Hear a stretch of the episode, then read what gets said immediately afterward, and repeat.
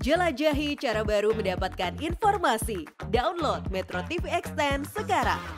Akibat kebakaran hutan dan lahan, kabut asap menyebar memasuki dalam kota Sampit, Kota Waringin Timur, Kalimantan Tengah hingga ke perairan Sungai Mentaya.